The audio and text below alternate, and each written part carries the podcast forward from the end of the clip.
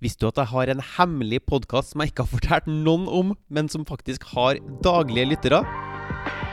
Er du en gründer som ønsker mer synlighet, større frihet, flere kunder og en stemme som blir hørt?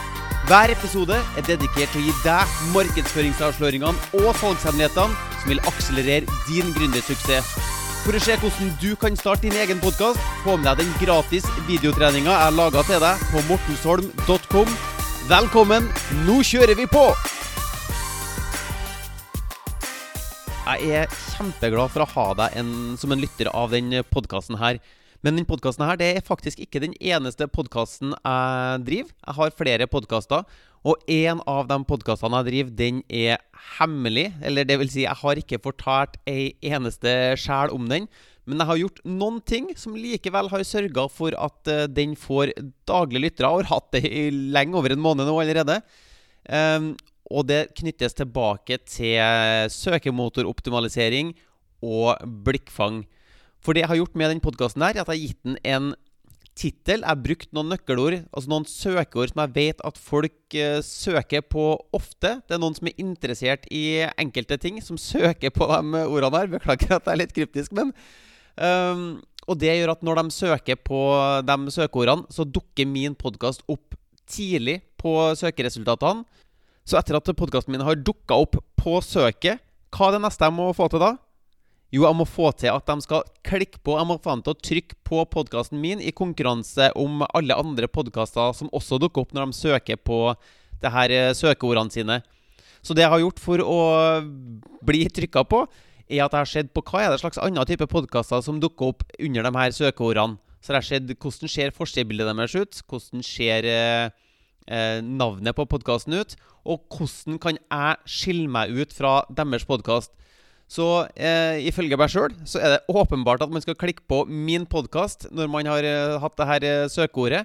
Fordi at mitt forsidebilde er så mye mer stilrent, lettleselig og et blikkfang enn alle eh, av de andre podkastene som dukker opp under det her eh, søkeordet. Så det her er litt, det er litt artig å ha en hemmelig podkast også, som jeg ikke har fortalt ei sjel om, men som likevel puster og ånder og lever et eh, helt eget liv der, med en eh, egen uh, lytterskare. Så det her, hva kan du egentlig dra med deg av dette her? Jo, når du nå skal lage podkastnavnet til din egen podkast og forsidebildet til podkasten din, pass på at du har et podkastnavn som gjør at det blir lett oppdaga når folk innenfor ditt fagfelt søker på noen søkeord. For hva er det folk egentlig lurer på innenfor ditt fagfelt? Det må du klare å finne ut av. Jeg har noen tidligere episoder som du kan hoppe tilbake på og se på flere teknikker for hvordan du kan finne ut av de problemene som dine lyttere har. Men når vi har funnet ut av det, så kan vi bruke den informasjonen til å lage et podkastnavn som gjør at vi dukker opp når folk søker på nøkkelordene innenfor din bransje.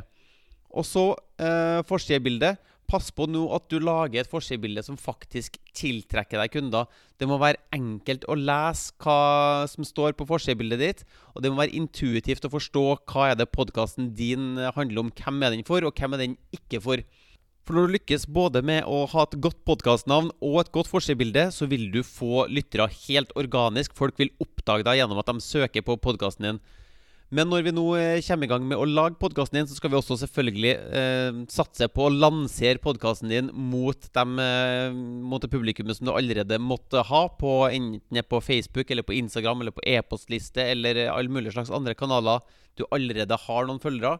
For kanskje har du allerede noen supersupportere som digger det du gir ut, og har lyst til å høre mer fra deg. Dette er liksom kjernepublikummet ditt. Det er dem du i hvert fall må sørge for å få inn i podkasten din fortest mulig. Og hvis du kunne tenkt deg å finne ut litt mer om hvordan du kan lykkes med podkast, så har jeg gratis eh, Facebook-gruppe som heter Markedsfør med podkast. Der kan du hoppe inn og bli med og se på videoer som jeg allerede har laga, og diskusjonstråder, og få mer inspirasjon til hvordan du kan komme i gang med din podkast, hvordan du kan få betalende kunder til din gründervirksomhet gjennom å markedsføre med podkast.